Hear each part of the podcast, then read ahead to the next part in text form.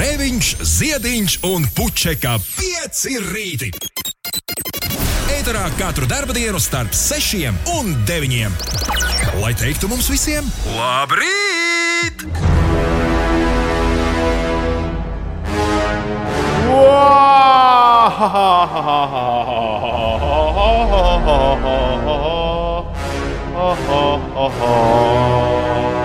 Labrīt!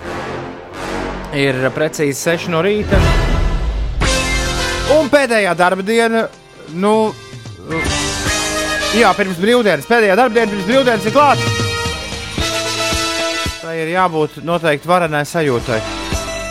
Ir uh, viena minūte pār pusdienas sešiem, ir otrdien, 17. novembris. La la la, la la la.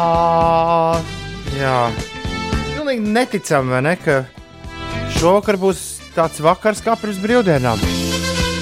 Kad mēs pēdējo reizi otrdienā kaut ko tam līdzīgu dabūjām, ko? Kad tas bija? Es neatceros. Toms Grēviņš jā šeit tiešraidē no Doma laukuma mūsdienās ierašanās darbā nav gluži tāda, kā tā ir bijusi nu, citos laikos. Neviena nav. Jāmēģina saprast, kur kas ir nobāzts. Ah, re, kur ir nobāzts šīs dienas scenārijs. Hugo, Uga un Uģis atzīmē vārdu svētkus Valmieras drāmas teātra aktierim. Un parasti viņš ir arī kārtīgs saimniecības daļas vadītājs. Man vismaz Arnolds liekas, ka jūs tāds esat. Arnolds Osakas svin dzimšanas dienu. Latvijas Mūzikas akadēmijas klavieru nodaļas docentam un pianistam Ventim Zilbertam dzimšanas diena, Denijam Devito, amerikāņu aktierim daudz laimes, Martinam Skorsēzem dzimšanas diena. Un, ja nebūtu gājis bojā, tad Jeffs Baklijs arī šodien svinētu dzimšanas dienu. Vai un Sofija Marso no foršajām franču tīņu filmām, kurās pučojās svin dzimšanas dienu. Sāra Hārdinga no Gelza Lauda, lai kas viņa tāda būtu, un viens no Hansona brāļiem. Īsaks Hansons svin dzimšanas dienu. Noteikti vēl kādam ir dzimšanas diena, bet man nav ne jausmas, kam. Uh, paies zināms laiks, līdz tas tiks noskaidrots. Labrīt, Baltie piecīši! Jūs esat mīļi un pozitīvi. Ar jums ceļos un dzīvoju laimīgs un daudzos. Man ļoti patīk ar jums satikties un pa kādam jokam izstāstīt. Bet Alfrēds, nē, es nevienu joku mums vēl atsūtīs. Alfrēds šo rakstu šajā rītā. Alfrēds, atsūti šurp nu, kādu joku. Jūs atceraties, Ulriņš, kādu joku, Alfrēds stāstīja mums? Varbūt jums pagājušajā nedēļā viņš stāstīja kādu joku. Man liekas, viņš vienmēr piezvanīja stāstu joks. Mm. Tas, protams, nenozīmē, ka vajag uzreiz zvanīt, Alfred. Un nāks miekli. Tas arī to nenozīmē. Labrīt, otrdienā Kailais Fūrists arī ir pamodies. Kur varēja nobalsot par rīta dziesmām? Kā? E-punkts uz slīpsvītra rīta dziesma 2020. Rīta dziesma vienskaitlī. Jā, e-punkts uz slīpsvītra rīta dziesma 2020. Tur viss ir. Viņam dikti nāk miegs, un viņš visiem novēl foršu pirmsvētku dienu. Ines, tev arī dikti nāk miegs? Nē, man nenāk miegs. Tad labi. Šoreiz gan es labi izgulējos. Tad labi. Tā ir joks no Alfrēda. Es ar jums draudzējos un atbalstīšu jūsu radio nulli, lai krāsaini un laimīgi jauku otrdienu. Lai tev laimīga dzīve, Uldi! Un draugi ir balti un izpalīdzīgi, un mūzika skan gaiši. Pagaidām, balti draugi tie ir tādi, kur netaisīs nekādu šmuci, vai ne? Nu, tādi labi draugi, droši vien. Alfred, lai arī tev ir tikai labie baltie draugi, nevis melnie. Pāriet bailēs! Nu, jā, pa ko te vairs baidīties? Pa, pagūši esam par visu kaut ko savās, savās pašu apziņās nobīties, tad, nu, liekam bailes malā un dzīvojam tālāk bez baiļu. Ir 13 minūtes pārpūksteni sešiem minēs, kas notiek? Tā, rīta agrumā Latvijā ir apmācies un lietains laiks, bet daudz vietā Latvijā un Vidzemes austrumos ir sācis snikt un arī puteņot. E, vēl rīta agrumā braukšanas apstākļi ir apmierinoši, bet tuvākajās stundās pastiprinoties snikšanai un gaisam kļūstot vēsākam, valsts galējos austrumos ceļi kļūs slīdeni. Autovadītāji ņemiet to vērā, un daudz vietā Latvijā ir arī dūmaka. Savukārt dienas laikā Latvijā un Vidzemes austrumos turpinās snikt un puteņot, ceļus pārklās sniegs un vietām arī apledojums. Latvijas vidas geoloģijas un meteoroloģijas centrs austrumu novados izsludinājis dzeltenās krāsas brīdinājumu. No rīta un priekšpusdienā tur ir gaidāma snikšana, vietām sniks intensīvi un izveidosies aptuveni 5 cm bieza sniega sega un ceļi kļūs eh, slideni. Citviet Latvijā gaidāms lietus, daudz vietā valstī būs arī dūma, ka vietām kurzemē gan uzspīdēs saule, pūtīs mērens dienvidu vējš, vietām piekrastē un austrumos ar ātrumu līdz 14 metriem sekundē un gaisa temperatūra no 0 līdz minus 2 grādiem valsts austrumu pierobežā līdz plus 9, plus 11 grādiem kurzemē. Un galvaspilsētā gaidāms apmācies laiks dūmak un lietus. Pūšot mērenam dienvidu puses vējam, gaiss šeit iesilst līdz plus 7 grādiem. Bet tad es saprotu, ka Latvijas pusē beidzot ir īstais laiks. Vecajam, labajam Frankijam! Oh, the weather outside is frightful. Tieši tā. But the fire is so delightful. Since we've no place to go, let it snow. Let it snow, let it snow. Let it snow, let it Es esmu Alfredam veltījis jau divus izgājienus ēterā. Alfreds pieprasa vēl trešo. And I brought lots of Bija darba diena, un es izdomāju braukt mājās. Alfreds raksta šorīt. Un iebraucot mājās un ieejot dzīvoklī, tur stāv kaut kāda dāvaniņa, bet izlaiž kaut kāda persona. Un konfetī lietus dzīvoklī atskan. Tāds esot viņa joks. Man liekas, viņš kaut ko Bija fantazē. sapnis. Jo, joks ir kā. Un tev ir šī tā gadījies, ka tev mājās spēkšņi stāv kaut kāda kastu un no turienes izlaiž persona ar konfetī. Gluži tā nebija, bet vienreiz man ir bijis pārsteiguma balīti. Snow, snow. Vai tu, tikai biji, sniegu meklēju. vai tu biji patīkami pārsteigts, vai jo es pēdējā pārsteiguma balītē, ko man uztaisīja, viņš jutos tā, "Ē, varējāt jau pateikt. Tas ir vecums. Kurš? Nu, tas, Ah, bet tas, bija, ti- tas bija tik sen, nu, kad negribas vairs pārsteigums. Bet tas bija tik sen, ka man liekas, ka viss bija forši. Jā. Bet man neizdodas Man- nevienā webkamerā atrast to sniegu. Ines. Zinu, ka jābūt. Nu, tie ir latgalē. Nē, nu, viņš jau skatās meklēju. Latvijā. Bet tur nesot vēl. Atraksiet īstenībā. Jā, kurš redz sniegu? 293, 202, 293, 202. Pēters prasa, vai Alfredam jaunā gada bāla jau iet uz otro pusi. Iespējams. Slavenākā dziesma par pulksteņiem no slavenā pulksteņa griezēja mazdēla Krisa Mārtiņa. Coldplay, Clocks. Jā, 20 minūtes pārpusdienas sešiem. Labrīt, Rīga, labrīt, Latvija, labrīt, pasaulē. Šeit Latvijas radio 5,5 LV. 5 rītī un alūksnē sniega. Tad esam Jā. noskaidrojuši precīzu vietu, kur sniega. Jā, alūksnē sniega, kur vēl sniega, tas ir jautājums jums.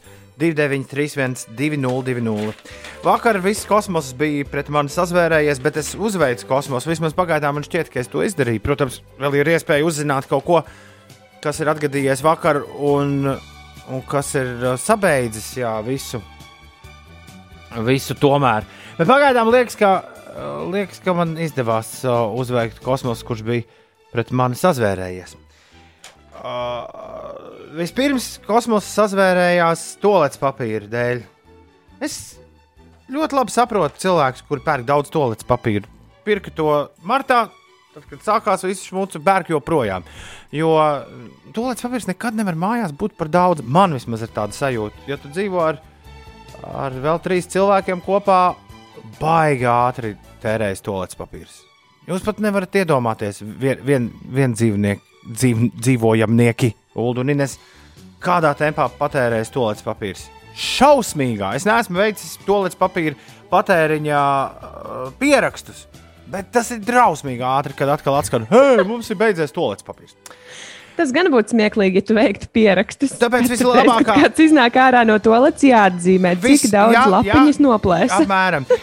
Vislabākā sajūta man ir tad, ja es slāju pa piemājas veikalu un ieraugu milzīgu toaletes papīra iepakojumu. Tajā brīdī ir tāds pilnīgs yes! Es paņemšu to iepakojumu, es aiznesīšu viņu mājās, un toaletes papīrs nu, izskatījās vakar uz to iepakojumu, uz kuras skatījos. Viņš pietiks līdz pat, nu, ja ne līdz Jāņiem, līdz, gadam. līdz lieldienām točna. Nu, es atvainojos. Tik Pa- liels pa- iepakojums. Parasti kāds klausītājs tik līdz es pasaku vārdu točna, kas nav biežāk par reizi mēnesī, uh, jā, ir ļoti sarūktināts, ka sabiedriskajā mēdījā kāds atļauj šādu runāt. Bet ir 6 un 22 minūtes. Ir paigāgras. Un man, vienmēr, man joprojām šķiet, ka tas ir arī jau uh, uh, noslēdzot septīto gadu Latvijas radio 5,5 vētrā. Man šķiet, ka tas ir attaisnojums. Mums ir jārunā šādā rīta agrumā. Pamēģiniet jūs to darīt. Labi, bet uh, par to līdz papīru. Ieraudzījies vakar savu sapņu toaletes papīra iepakojumu. 40 rūļi, 40 rūļi, brīnišķīgi! Šis būs, un, un galvenais, kas ir zīmīgi man kā cilvēkam bez automašīnas, jo man kādu laiciņu būs tomēr tas jānes mājās, tāds kārtīgs, milzīgs rokturis. Aiziet! Šis būs mans. Dodos pie pašapkalpošanās kases, skenēju to papīru, un ko es ieraugu displejā? 15,99. Wow! Es saprotu, pag, pag, pag, pag, pag. Es nemāku atsaukt preci tajā aparātā. Tāpēc eh, šajos, šādos gadījumos, kad es, saprotu, ka es saprotu, ka man ir jānododas eh, nedaudz meditācijai pirms eh, veikt lēmumu, vai to iegādāties vai nē, es vienkārši bēgu prom no tā pašapkalpošanās aparāta. Tad es ceru, ka tur viss saspiedīs nu, atbildīgais cilvēks, kurš par viņiem gādā. Es bēgu prom un es rēķinu pie sevis, nu pagaidi. Sanāk par 40 ruļļiem, viņi grib 39 centus no manis par vienu toaletes papīra rulli. Nu, Toaletes papīrs, kurus parasti pērku, maksā eiro 60, un tajā ir 8 rūļi. Nu, tāds mazais iepakojums. Tieši tas pats toaletes papīrs. Ne, viņš ne ar ko vispār neatšķiras. Bet mazajā iepakojumā viņš tātad sanāk 20 centi par rulli, bet ja tu ņem lielo ar rokturi, lai visu aizvestu mājās, tad tev ir jāmaksā 39 centi par par vienu iepakojumu. Kaut kas tur nav rulli. rīktīgi. Liek teikt, ka ne, viņi nebija pielikuši tam lielajam iepakojumam cenu arī. Dzen. Jā, nu kurš tad vispār pirktu toaletes papīru par 15 eiro? Un pēc tam mēdz jau no tev nav nekad bijis tā, ka tad, kad tu ieraugi to cenu pie kases un ir tāds, ai, nu labi.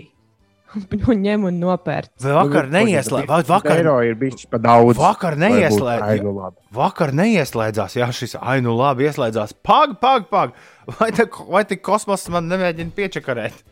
Un mēģināja arī. Un tā es bēdu nepazīstams, protams, ar diviem mazajiem iepakojumiem. Par eiro 60 gabalā arī izslāja ārā no veikala. Un nu, vienīgi uz to veikalu atkal pēc toaletes papīra. Nu jau būs droši vien jāiet nākamnedēļ. Vai...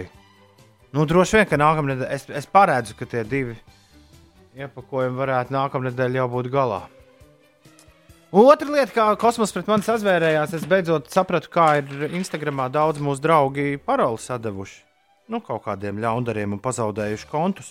Nesauksim viņus vārdā, viņi daudz ir publiski par to izteikušies un daudz par to ir runāts mēdījos, arī šeit, piecos rītos. Bet eh, es saņēmu ziņu no nepareizā, eh, ļoti interesanti tādā aprakstītā angļu valodā vakar no eh, Instagram komandas, kur man uzrunāja no konta USA Badge Team Set.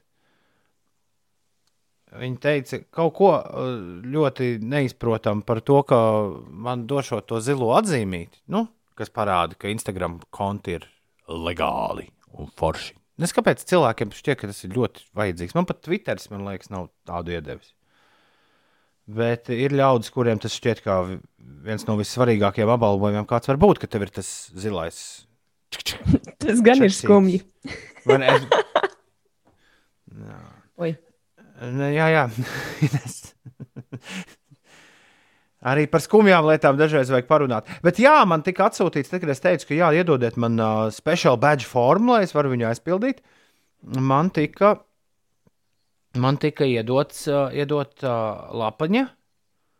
Uh, lapiņas adresīnes, kur man uzreiz bija, bet tur bez nekādām vispār formalitātēm ievada lūdzu savu Instagram vārdu un ievada paroli. Un ir cilvēki, kas to arī izdarīja. Es domāju, ka Noteikti, jā. 99% kur uzvedas Tie arī es- ir pelnījuši, ka viņiem nosauc Instagram kontu. Bet, bet, ir inter... Jā, bet ir interesanti, kā šis darbojas, jo es Instagramam paziņoju momentā par šo kontu. Tur bija interesanti, jo tev nu, sanāca, ka viņi uzdodas par kaut ko. Tad es viņu, viņu, viņu man lika parādīt, par ko viņi uzdodas. Es uh, uzrādīju, nu, ēt Instagram. viņi par jums uzdodas. Bet uh, joprojām konts ir aktīvs un, un darbojas. Un vāc tik parolītis, es domāju, visā pasaulē no ļaudīm. Jā. Ļoti Man interesanti. vispār Instagrams sāk sadusmot mazliet, aizvien vairāk un vairāk. Sāk nepatikt. Tev nekur nav jāvada savu paroli. Pēc tam visdrošākais ir, ja tev nav nekādu paroli. Manuprāt, ja tu visu slēdz kopā ar sociālo tīklu kontiem. Es nezinu, kāda ir visdrošākais. Es nezinu, kāda man ir Instagram paroli. Pasaki vēl, Lūdzu, ka tas nav droši. Nu, Nu, zinu, tu vienkārši ar Facebook esi iegājis. Nu, jā. Es autorizējos caur Facebook pasi vienmēr. tad atliek uzlauzt tikai Facebook paroli tev. Un būs pieeja visiem taviem kontiem. Nu, negluži, jo viņam ir, div, viņam ir otrās pakāpes aizsardzība vēl caur Gmail kontu. Tev jāuzlauž arī mans Gmail konts tādā gadījumā.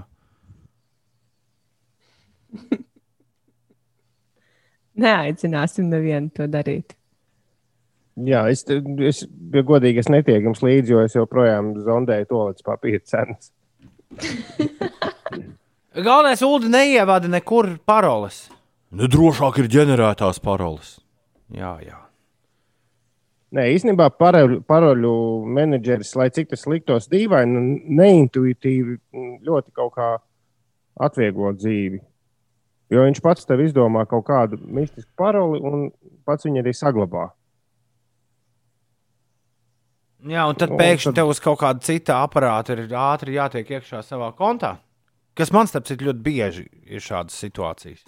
Un tad ej un nošaujies. Nē, tad tu ej telefonā, tā paša paroļu ģeneratora aplikācijā, kas tu, noskanē un tad tu seju. un tad tu ieraugi 25 simbolus, kurus tev ir jāievada ļoti, ļoti tā pragmatiski iekšā. Tur, kur tev ir jāievada. Redzi, un- un tas ir droši. Nu, labi, bet es, es esmu ar mieru dzīvot višķi nedrošāk, bet nu, normālāk.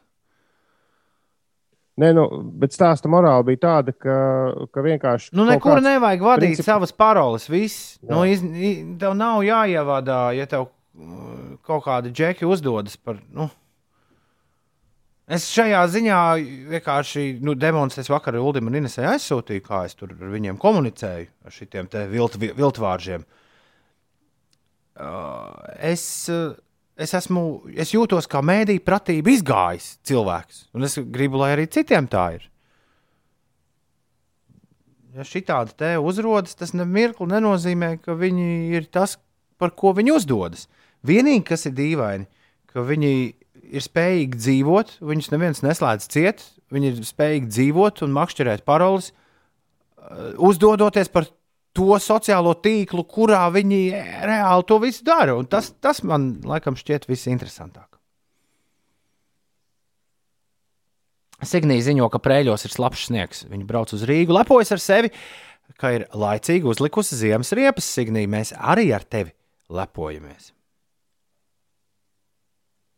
Es vakar vakarā sāku domāt par ziemas riepām. Nu, tā nopietni. Man gan ir ziemas riepas mašīnai šobrīd, bet tās ir, nu, man liekas, jau nobraukātas. Tāpēc es domāju, ka nākamās nedēļas sākumā džeziņam arī tiks nomainīti ziemas apaviņi. Tas notiks. Nu, nu. es atkal vienu soli atpalieku no jums. Es iegāju tajā mājaslapā, ko tu mums sūtīji. Tas kaut kāds blue badge, kaut kas tur. Viņam uztaisīja mājaslapu, kur tu ievadi savu vārdu un tad ievadi paroli. Jā. Un, un es tikko es pamēģināju, nu, vienkārši Instagram no konta, kāds neeksistē. Es uzrakstīju, es pārbaudīju, ka tāds tiešām neeksistē. 5 LV, LV, LV, LV, LV, LV, LV, LV, LV, LV, LV. Un pārbaudīju, Instagramā tāds konts tiešām neeksistē. Nu, jau nu sagadīšanās, bet ierakstīja tajā viņa kreisajā lapā to 5 LV, LV, LV, LV, LV. Un viņi vienalga saka, sveiki, jūsu kontam ir pieejama zilā zvaigznīte. Lūdzu, ievadiet paroli. Lūdzu, Tā kā viņi vienkārši, tur nav nekāda, viņi vienkārši jebkuram, jebkuru paroli ņem pretī, teiksim tā. Un Varbūt- tiešām uztaisīts viss. tā, varbūt man, tavā, varbūt man Twitterī vajag ielikt šo adresi, lai visi apskatās, kā tas strādā. Varbūt, jā. Man liekas, ka Inters Busuls, kurš mums par to stāstīja, viņam bija atnācis sēpasts ar līdzīgu kaut kādu mājaslapu. Mm.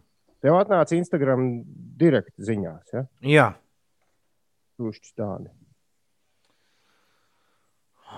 man, man, ir, man joprojām ir savs Instagram konts. La, la, la, la, la, la, la. Un tas ir labinieks. Dūls rīts ar 8 metru poļu piekāpju jāiebrauc centrā, raksta ķirsis, jo savādāk nevar. Morgan! Uh, labrīt! Kurš sačakarēja čaka ielu, prasa Turks? Vai tāpēc mēs viņu būvējām četrus mēnešus diennakts režīmā? Uh, Ines ar Ulu gan ir savādākās domās, Turk. Jā, Es kā autobraucējs, un Ines, es saprotu, ir arī ar velospēdu izmēģinājis. vai ne? vakardien pirmo reizi izbraucu ar velosipēdu. Bet uh, šī ir ļoti gara saruna, jo stāsts jau nav par Čakiju, bet stāsts ir par to, kā viss centrs maina, maina uh, prioritātes no automašīnām uz gājējiem un tā tālāk. Un tā tālāk un tur mēs varam visas trīs stundas diskutēt. Bet, bet, bet man, Es neko Jā, nezinu. es- Man ejot garām, izskatās, ka tad, kad es tikšu atkal atpakaļ pie jauka velosipēda, būs rīktīgi forši tur braukt. Jā, man liekas, ka arī bija diezgan forši braukt ar velosipēdu. Un es kā autovadītājs tā paskatījos. Man patīk, ka tur ir lielāka kārtība. Nu, ka nav tā spiešanās divās uh, rindās un mēģināšana tur tiešām saspiesties. Ja tev ir viena josliņa, brauc pa savu vienu joslu un viss forši. Man patīk, ka tur tagad, man vismaz ir tāda sajūta, ka tur ir kārtība lielāka. Jā, bet uh, tev tiešām ir taisnība. Es, es kaut kad pagājušajā nedēļā atceros, stāstīju, izgāju vienu vakaru abos virzienos ar kājām rūpīgi. un Tur tiešām liekas, ka dažviet ietver platāk. Un man izdevās atrast kaut kad vasarā par bruņinieku ielu runājot, jo bruņinieku iela arī būs brīnums. Tur būs milzu ietra un šaura iela un viss tā tālāk. Un uh, Rīgas domas satiksmes departamenta tas galvenais vīrs stāstīja ļoti konkrēti prioritātes visā centrā. Pirmajā vietā absolūti un tikai gājēji, nevis velospēdi, kā daži domā. Tad otrajā vietā ir velospēdi un visi tie pārējie, nu, visi, kas pa velojoslām braukā. Tad trešajā vietā ir sabiedriskais transports. Un tikai ceturtajā vietā ir automašīnas, un piektajā vietā kravas transports. O, Bet es ceru, Var, Es ļoti ceru, ka to bruņinieku ielu sataisīs, jo nu, man sanāk braukt tieši pa to nepabeigto bruņinieku ielas galu. Nu, ceļš ir nograusts pamatīgi, tā ka tur nezinu īsti, kā izbraukt to ielu. Vismaz to pēdējo posmu no avotu ielas līdz uh, Valmieras ielai. cerams. Ne, nu, Nu forši, ka cilvēkam draudzīgāka pilsēta paliek. Mēs, kā ļaudis, kas arī nostaigā lielus attālumus, esam par to, protams, tikai un vienīgi priecīgi. Jo īstenībā, taču nu, tīpaši pandēmijas laikā mums rādīja, un, tas tiešām jāskatās, ko Barcelona ļoti interesanti šobrīd dara. Viņi vispār visu to. Nu, Nevis, nevis turistu centru, bet tur mazliet tālāk. Tur taisa tādu mega rajonu, kur būs uh, aizliegts caurbraukt un iebrauc tikai iedzīvotāji.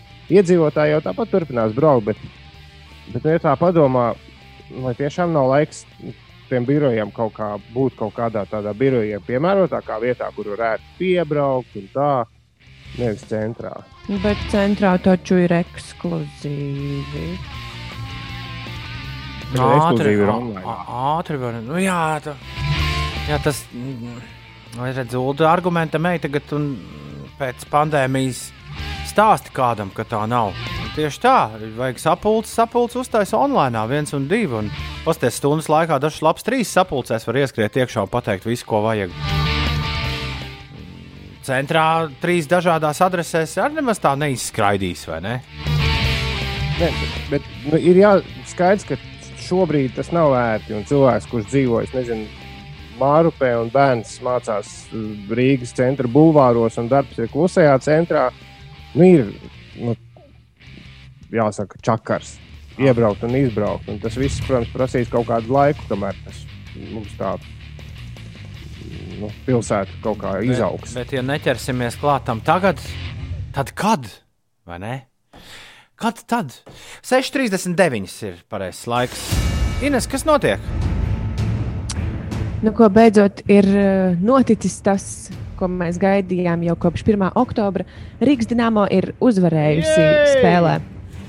Un pagaidām rezultatīvāko spēli šo sezonu Jā, Rīgas dīnāmo ir nodemonstrējusi vakar, kas pirmo reizi guva piecus vārtus un ar rezultātu 5 pret 3 apspēlēja Pekinas kungu un Redstāra vienību. Rīdziniekiem tādējādi ir noslēgusies 14 spēļu zaudējumu sērija, kas ir kluba antirekords un jā, ir izcīnīta pirmā uzvara kopš 1. oktobra. Pirms diviem pasaules kausa posmiem skeletonā un bobslijā Siguldā ir konstatēta saslimšana ar covid-19. Tā vakar vēstīja Latvijas televīzija un par spīti stingriem pretvīrusu pasākumiem pirms starta pasaules kausa posmā Siguldā jā, ir konstatēti pirmie saslimušie, taču komandu sapulcē ir nolemts eh, sacensības neatcelt. Un eh, Latvijā nestartēs vienīgi Kanādas, ASV, Dienvidkorejas un Ķīnas sportisti.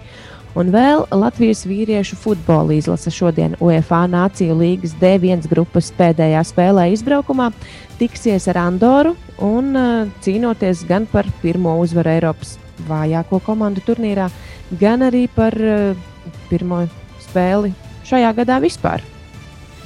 Skaidrs. 6,41 minūte. Uh, sveicieni lielajai māsai Madarai dzimšanas dienā, lai veiksmīga diena un labi metinās. Tā raksta mazais brālis. Čau, Madarā! Daudz laimes tev dzimšanas dienā! Arī Madarai par godu tagad šajā pārraidē. Džezā! Tikai Meitenes!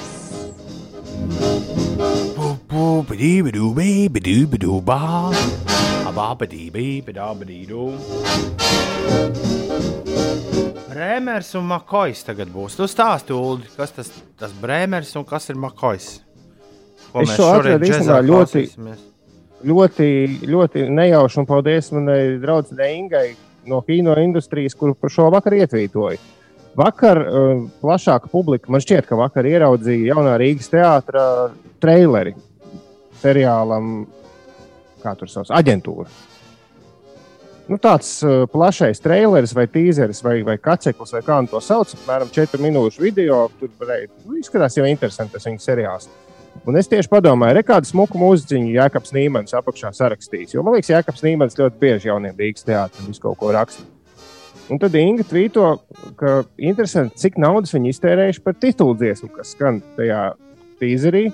Jo tas esot Brēmera Makoja, viens no pazīstamākajiem mūsdienu dāņu džēza duo.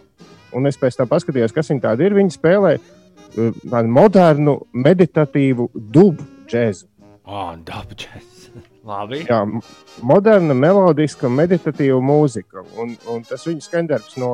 Nu, Neiesim tagad skaitīt naudu, cik ir jaunais Rīgas teātris par to samaksājis. Mēs jau daudz es dzirdēju. Man stāstīja cilvēki, kas ir nu, iesaistīti. Tāpēc viņi meklēja labi. tur vēl citu mūziku, jo bija jau pa pirmajiem gabaliem samaksājuši pusi karaļu valsti. Jā, bet paldies, paldies viņiem. Un žēl, ka tas nav Jēkabs Nīmans. Bet, uh, tas man liekas, ir kompliments Jēkabam Nīmanim, ka es domāju, ka tas ir viņš. Bet uh, skandarbs ļoti jauks. Tieši šī titula tēma no jaunā seriāla, arī skan. Bremers un Makojs, divi dāņu vīri. Ko viņi spēlē? Brēmers spēlē, Makojs spēlē, Makojs ir DJs. Ah, Vinilu DJs. tā kā DJs Monsta Jā, un Bremers. un viņš ir sot, bas, vispār basists. Ah, Skaidrs. Ko viņi spēlē šajā skandarbā, es jau godīgi neesmu izpētījis. Bremers un Makojs. Midnight. Varētu būt midnight vai ne? Nu, tulkojumā. Droši vien. Pusnakts. Midnight. Bremers un Makojs. Nu, vai dienas vidus. Kaut kā tā. Džezā tikai meitenes.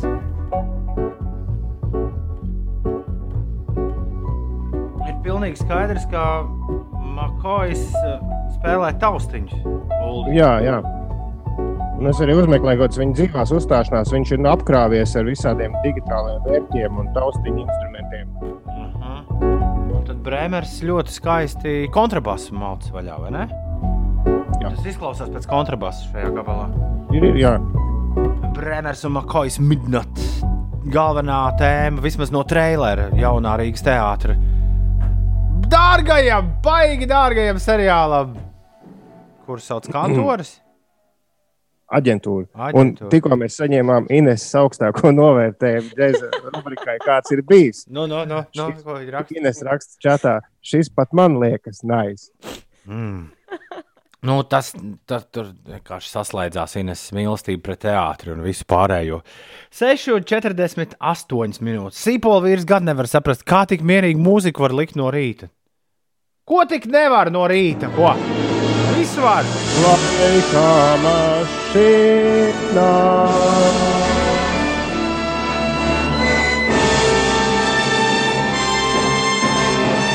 Laika mašīnā. Turpinām ar mierīgu mūziku. Ir 2020. gada 17. novembris šodien. Sveiciens visiem! Bet mēs esam devušies uz 17. novembri kādā citā gadā. Nu, jums jāmēģina iztukot, kurā mēs sākam laika mašīnu ar prātu vētru. Es gribu. Es zināju, pirms viss vēl sākās, nav par tevi kā frīzākā.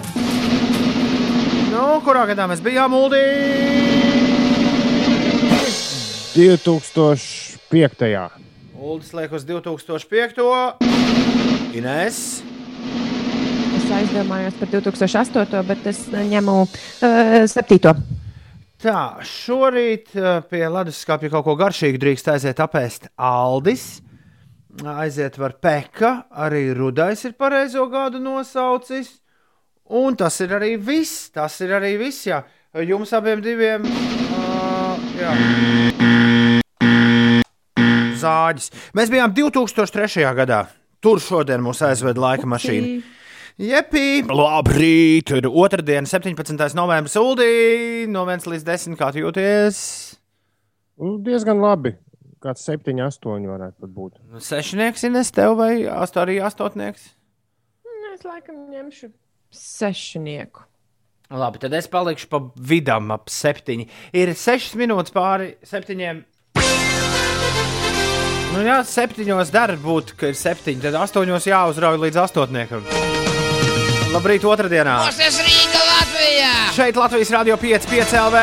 Es kā vetārs saku, koži, visi, visi koži. Hei, ko rīt? Ko rīt jūs darīsiet? Kādi būs 18. novembra svētki jūsu mājās? Visu dienu pie teļuka. kāda laika apstākļa. Visu dienu pie teļuka. ārā. ārā būs baigi labie laika apstākļi. Rītdien būs uiku silts. Viss sniegs kusīs ārā. Ulu, es saprotu, tev plānu nav, ja tu nesteidzies mums stāstīt. Es ļoti ceru uz sausu laiku. rīt. Jā, es arī. Hugo, bet tas viss būs. Ko tur cerēt? Hugo, Uga un Uģis atzīmē vārdu svētkus. Valmieras drāmas teātris aktierim un uh, es jau teicu, nu, man liekas, tādam saimnieciskam vīram, Arnoldam Mosim, dzimšanas diena. Daudz laimes arī Ventim Zilbertam, Latvijas Mūzikas akadēmijas klavieru nodaļas docentam, Denijam Devito, Martinam Skorsēzem, Sofijai Marso un vēl visādiem cilvēkiem, kuri, nu, simt gadu ir viņiem dzimšanas diena vai nav viņiem dzimšanas diena. Tas neko dzīvē nemainīs. Es zinu, ka Ines dzīvē to sešnieku ulu tūlīt uz septītnieku pacels. Nu, nu. Nu? Šis. Ines, dabūjām mēs to tavu se, eh, sešnieku uz septītnieku augšā. Nu jā, sanāca, sanāca. Jej! Tās ir labas ziņas. Kas ir Daugaugrības ielā noticis? Kāds zina? Mārs grib prasa. Tur esot liels korķis, milzīgs korķis. Otradienā, 17. novembrī, pandēmijas laikā, otrā viļņa laikā, ārkārtējās situācijas laikā. Korķis, tas izklausās neticami. Kas tur izskatās, Ines, kartē? Ko tur rāda? Pagaidām vēl neko nerāda. Bet korķis ir. Vismaz Mārcis to ir redzējis. Un, ja Mārcis to ir redzējis, tad mēs Mārim ticam. Atraksti lūdzu 293, 202, ja tev ir kāda uh, jā, izvērstāka informācija par šo. Tu klausies pieci LV. Pirms četriem gadiem labdarības maratons dot pieci pagājušā izdziesmas zīmē. Nepārlaužams būs ēterā visai drīz. Arī tā baby un rockstar ir manā playlistē, bet vispirms Patriša 7,13. Labrīt, šis ir daudz par daudz. Un, protams, šis ir 5 LV. Labrīt, kurš grib mūžīgo studentu spēli spēlēt? Ko jūs pagājušajā nedēļā darījāt ar mūžīgo studentu spēli? Atkal Mums Magnus? bija revanša mačs. Saku, ka jāspēlē. Atkal Magnus spēlēja. Uh, labi, uh, tagad kādam no jums ir jāspēlē Rūdi mūžīgo studentu spēli 293, 1202. Atsūtiet īsiņā pieteikumu, jo es vēlos spēlēt mūžīgo studentu spēli. Katru otrdienu mēs to darām.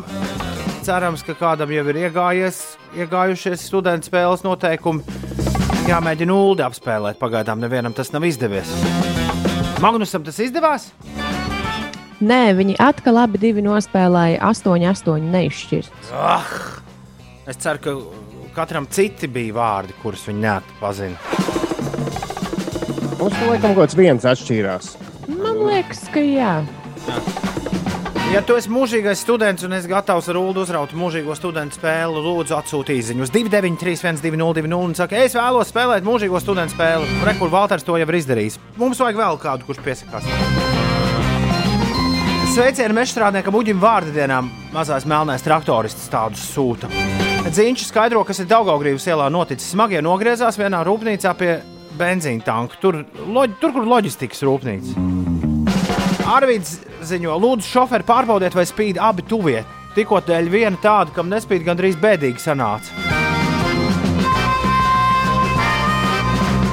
Un Freibergs prāto par rītdienu, tāpat kā Ulas un Inês par to silto un sauso laiku. Domāju, ja rīt būs silts un sauss, tad mēs ar Ulu varam izbraukt ar močiem. Tur Ulu ir sāls tajā, kāpēc Jā, tu gribi to jā, jo es neesmu vēl iezīmojies. Skaidrs. Rīt ir parādījies mitrums, tas man nepārāk patīk, jo man no rīta nu, tāda paskriešana, Ines, nevis Ines, bet lielajās ziņās stāstīja par izskrienu Latviju. Latviju kustību, kas noteikti man ar tādu, es arī varētu pierakstīties klāt, izskrienu Latviju. Ir parādījušies nokrišņi kaut kādi maziņi rīt no rīta līdz 12. dienā. Un pagaidām, skatoties tajā prognozē, kurā es skatos, neizskatās, ka varētu tikt lausts vismaz Rīgā. 18. novembra siltuma rekords tur jābūt pār 13 grādiem. Ja pareizi atceros, rīt Rīgā sola plus 11 un būs pamatīgi baisi pelēki apmācies. Nu, kā jau normālā novembrī, kā tam ir jābūt. Ir 21 minūte pār 7 minūtes, kas notiek? Šodien Latvijā un Vidzemes austrumos sniegs un puteņos, ceļus pārklās sniegs un vietām arī apladojums. Latvijas vidus geoloģijas un meteoroloģijas centrs austrumu novados izsludinājis dzeltenās krāsas brīdinājumu, jo no rīta un priekšpusdienā gaidām snikšana un vietām sniks arī intensīvi, izveidojot 5 cm biezu sniega segu un autoceļu, jā, kā jau teicu, būs slīdeni. Citviet Latvijā gaidāms lietus, daudz viet valstī būs arī dūmaka, vietām kurzemē gan uzspīdēs saule un pūtīs mērens dienvidu vējš vietām piekrastē ar ātrumu līdz 14 metriem sekundē. Gaisa temperatūra būs no 0 līdz minus 2 grādiem valsts austrumu pierobežā līdz plus 9, plus 11 grādiem kurzemē, un Rīgā gaidāms apmācies laiks dūmak un lietus. Pūšot mērenam dienvidu puses vējam, gaišs gaiš, gaiš iesils līdz plus 7 grādiem. Vēl par par citām zemēm, arī Zviedrijas valdība ir pieņēmusi lēmumu Covid-19 pandēmijas dēļ valstī noteikt pulcēšanās ierobežojumus. Stokholmā iepriekš izvēlējās citu taktiku cīņā ar vīrusu un centās valstī neierobežot ekonomisko aktivitāti, bet nu, Zviedri arī ir nonākuši pie secinājuma, ka no 24. novembra būs atļauts pulcēties ne vairāk par astoņiem cilvēkiem un vēl daži dažādi ierobežojumi viņiem ir. Rītdien ir 18. novembris. Es esmu nolēmis atbalstīt vietējos un neko mājās negatavot, un no piemājas kafejnīcas pasūtīju visu, kas nepieciešams svētku galdam. Viņ, šīm kafejnīcām sāk kļūt tie piedāvājumi, tad, kad tu sāc rēķināt, nu, gandrīz precīzi tādu pašu, kā tu mājās kaut ko gatavot. Un tad priekš kam gatavot? Ja pie reizes šis ir brīdis, kad kafejnīcām iet uh, tik drāmīgi, kā nekad nav gājis. Un tev tiešām ir, ja tu vēlies, lai tavu piemājas kafejnīca vēl darbotos arī, piemēram, nākamā vasarā, nu, viņi ir jāatbalsta. Man nedod Jā, mieru. Varbūt pastiprināt, jāiet arī pie frizieriem vai nu, vēl būs kaut kas jādara. Bet par mājās gatavošanu man jau liekas, ka tur tomēr arī tas eh, process ir jauks. Ja tu vari iesaistīt visu ģimeni rasola, rasola griešanā. Ā, Iztiks vienu, ga- vienu gadu, var bez tā arī iztikt. 18. novembrī, kurš pēkšņi darba nedēļas vidū pavisam noteikti bez tā var iztikt. Bet jā, mans plāns rītdienai ir vienkārši rīktīgi nosportot rītu un tad, un tad ķerties klāt visādiem. Visādiem gardumiem. Bet es zinu, ka es rītdien nevarēšu, nu, visu laiku trīšos un nevarēšu sagaidīt ceturtdienu, jo Ceturtdien beidzot pie klausītājiem nonāks Latvijas Rādio 5,5 LV labdarības maratona dot 5 2020. gada himna. Es vakar dzirdēju pirmo reizi pabeigtās himnas versiju, un man joprojām šī him, eh, himnas piedziedājums visu laiku skan galvā. Es nevaru to dabūt, dabūt ārā no savas apziņas nekādā veidā. Gribat jau viss ir tīzeri? izdarīts pareizi, vai ne? Vai jūs vēlaties tīzeri, uh, Ulu un Ines? Nu, Jā. Pa, pasaules ekskluzīvu tīzeri dot 5 2020. gada himnai, kur sauc Es zinu. Rekur ir super tīzers.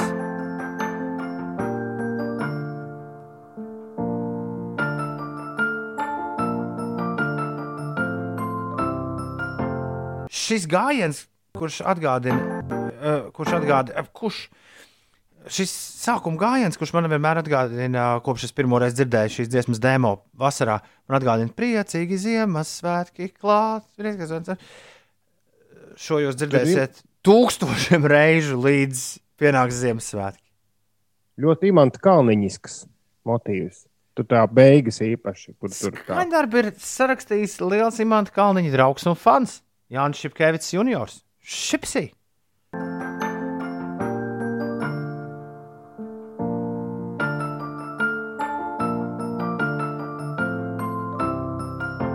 Un forši mums nebija Imants Kalniņš jāatrāmda, lai viņš uzraksta mums himnu. To viņa vietā Šipsī ir izdarījis. Mēs ceturtdien arī ar Šipsī saziņosimies, un šeit jūs varēsiet dzirdēt himnu. Es domāju, ne reizi vienā ceturtdienas rītā, un pēc tam, protams, vēl un vēl un vēl un vēl. Bet pagaidām, kamēr uh, pasaules pirmizrādes laiks nav pienācis, mums jāspēlē ir cita laika himna no 2016. gada. Nepārlaužams. Domas pierimsies, ziema atkāpsies,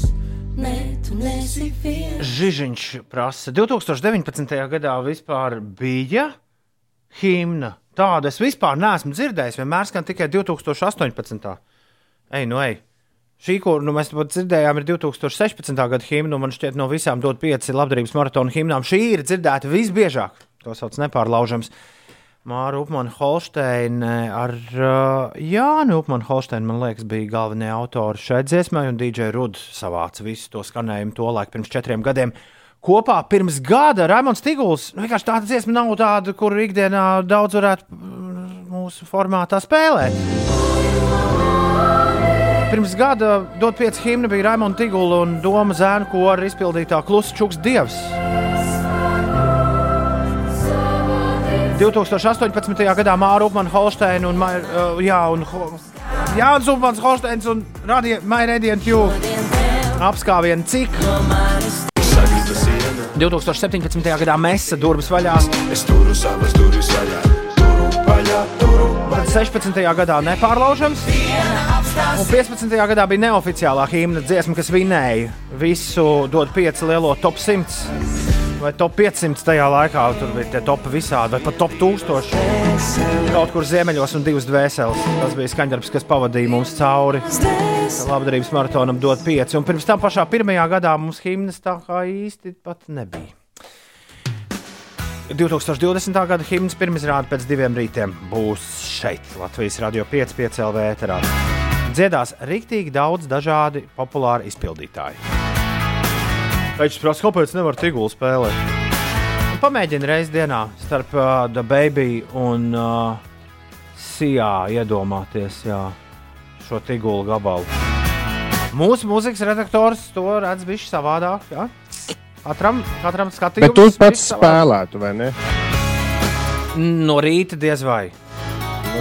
Uh, pirms dod pieci laikā, labprāt, un dod pieci laikā, jā. Jo tā dod īpašu noskaņu, bet, bet uh, nu, tā dziesma gluži nav. Mašarī, mašarū, marabā. Un Tu saproti, Ulu, ko es mēģinu pateikt? Es ļoti labi saprotu. Man tagad Jā. vajadzētu, Ulu, lai, tu, lai tavs gars, kurš te kaut kur klaiņo pa radio telpām, paņemtu telefonu un uzvanītu kādam no spēlētājiem, kuram būs jāspēlē uh, mūžīgo studentu spēli.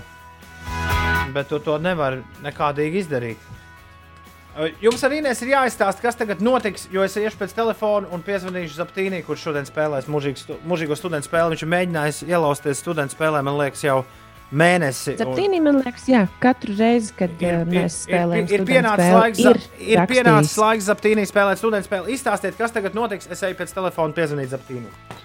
Jā, tātad Toms sazvanīs eh, otru studentu spēles spēlētāju. Pirmais studentu spēles spēlētājs ir mūsu Uldis.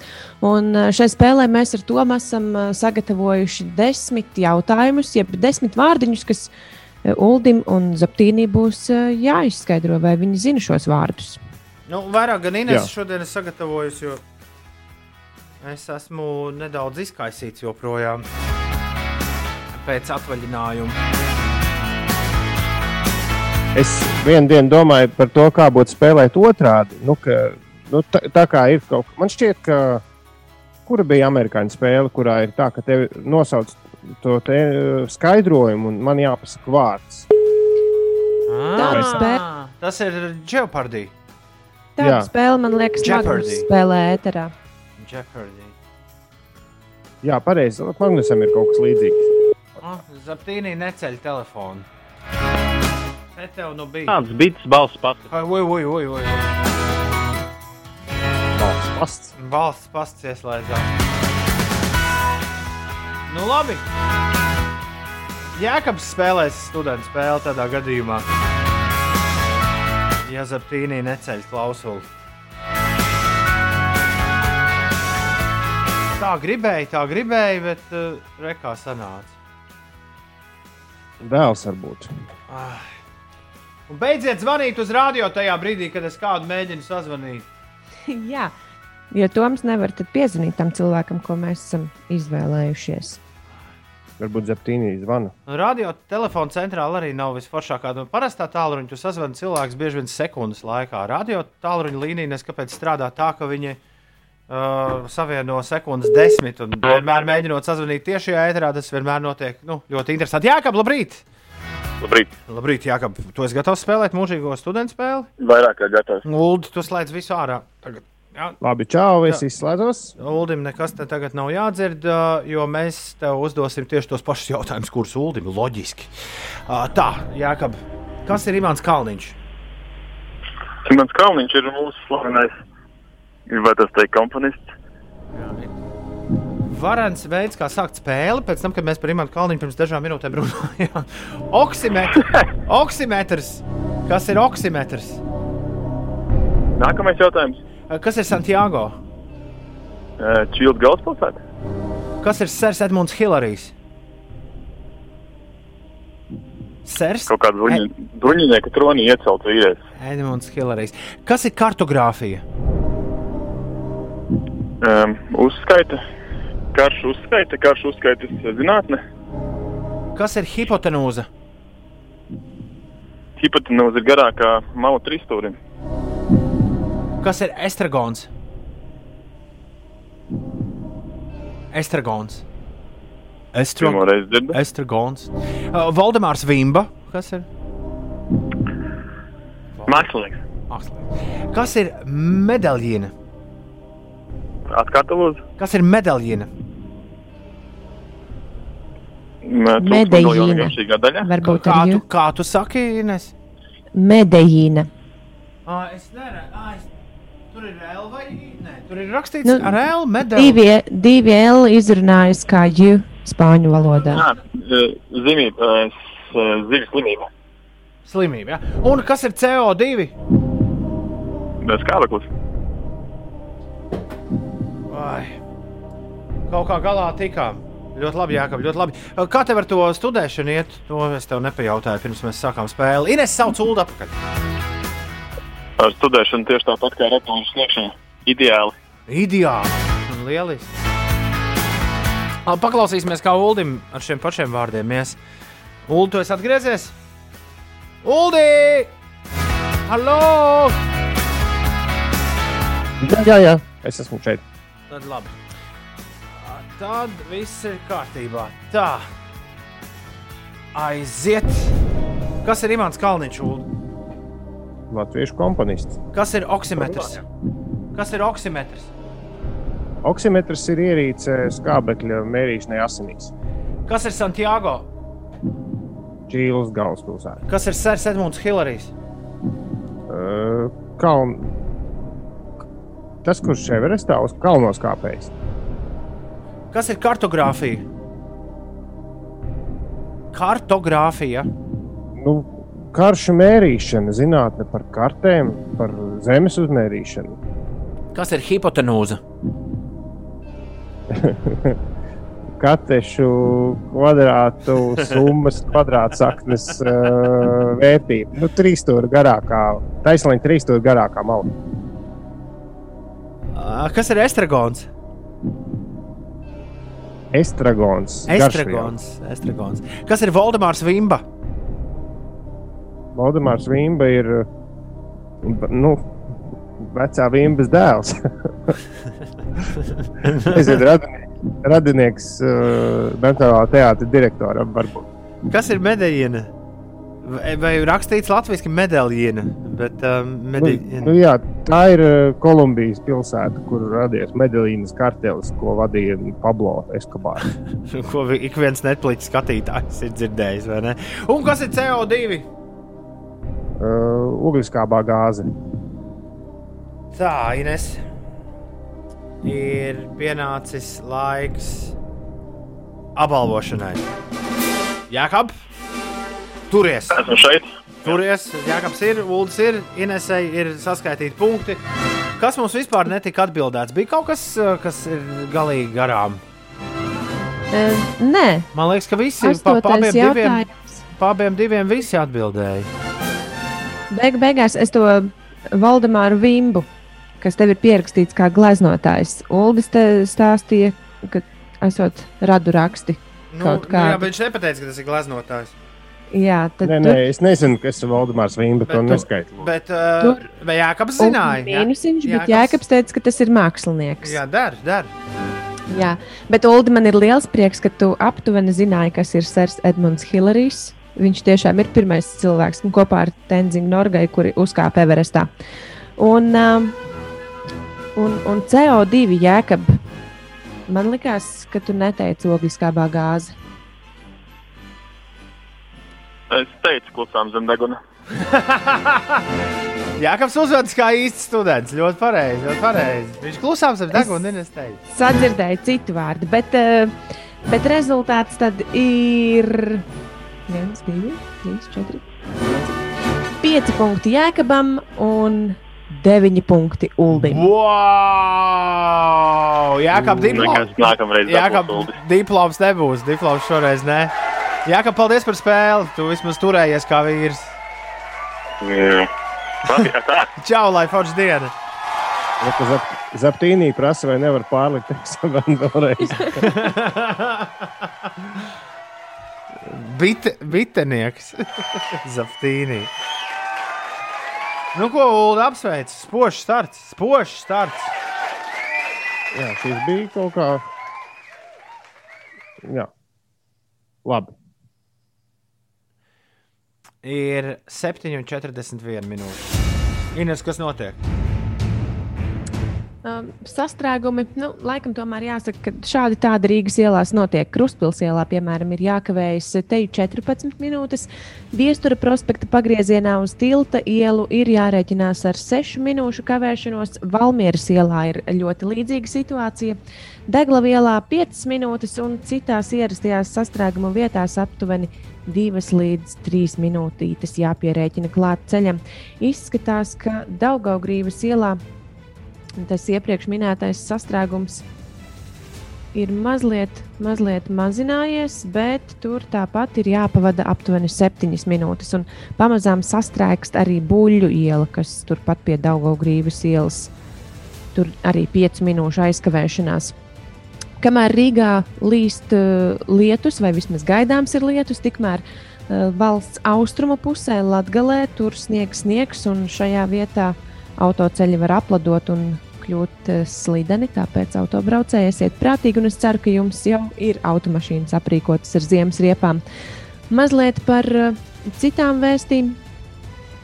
Ui, man pazuda viena ziņa, ko es gribēju. Ah, nē, re, kur atradu. Ādažos eh, šovakar eh, notiks maestro Raimonda Paula tiešsaistes koncerts. O? Jā. Nu, jau pamazām uh, sāk. Bet, bet kur viņš būs? Viņš būs, uh, tieši, viņš būs ādažos un tur tieši saistējies, vai Rābats Pols būs mājās un ādažos to varēs redzēt? Pulksten septiņos vakarā iedzīvotāji tiek aicināti tiešraidē mājaslapā ādažu.lv vērot valsts svētku svinīgo sarīkojumu un ādažnieku godināšanu no ādažu kultūras centra. Skaisti. Tad viņš tomēr būs tur. Jā, bet droši vien, ka tur nu, nebūs uz vietas skatītāji. Es atvaļinājumā nopirku maistro atjaunot plati un rīktīgi gribas viņa autogrāfu dabūt. Bet rādio gan viņš laikam nerādās šobrīd. Es pagājušajā nedēļā redzēju. Ah. Būs uh, jāiet izlūkos kādu dienu. Darba šodien ļoti daudz kailiem fūristam. Viņš ieradās pat divas stundas agrāk kā parasti un izskatās, ka tāpat visu nepaspēs. Ai! Patīkam dzirdēt par sastrēgumiem, rakstā Aivis. Tomēr neesam tik ļoti no mājām strādātāju tauta. Un kāds arī reāli ko dara, lai visiem skaista Latvijas dzimšanas dienas tūra. Nu, patiesībā varētu jau arī bišķi mājās vairāk pasēdēt, jo, jo, jo ja tā nedarīsim, tad, tad jau te mums teica, ka liks mums piespiedu kārtā vairāk sēdēt mājās. Uh, labrīt, prieks jūs atkal dzirdēt, raksta Somijas ULDS šajā miegainajā laikā. Vismaz ceļš uz Somiju patīkamāks būs un jāstrāks foršu dienu visiem. Paldies, Uldi! Prieks, ka arī tu esi kopā ar mums.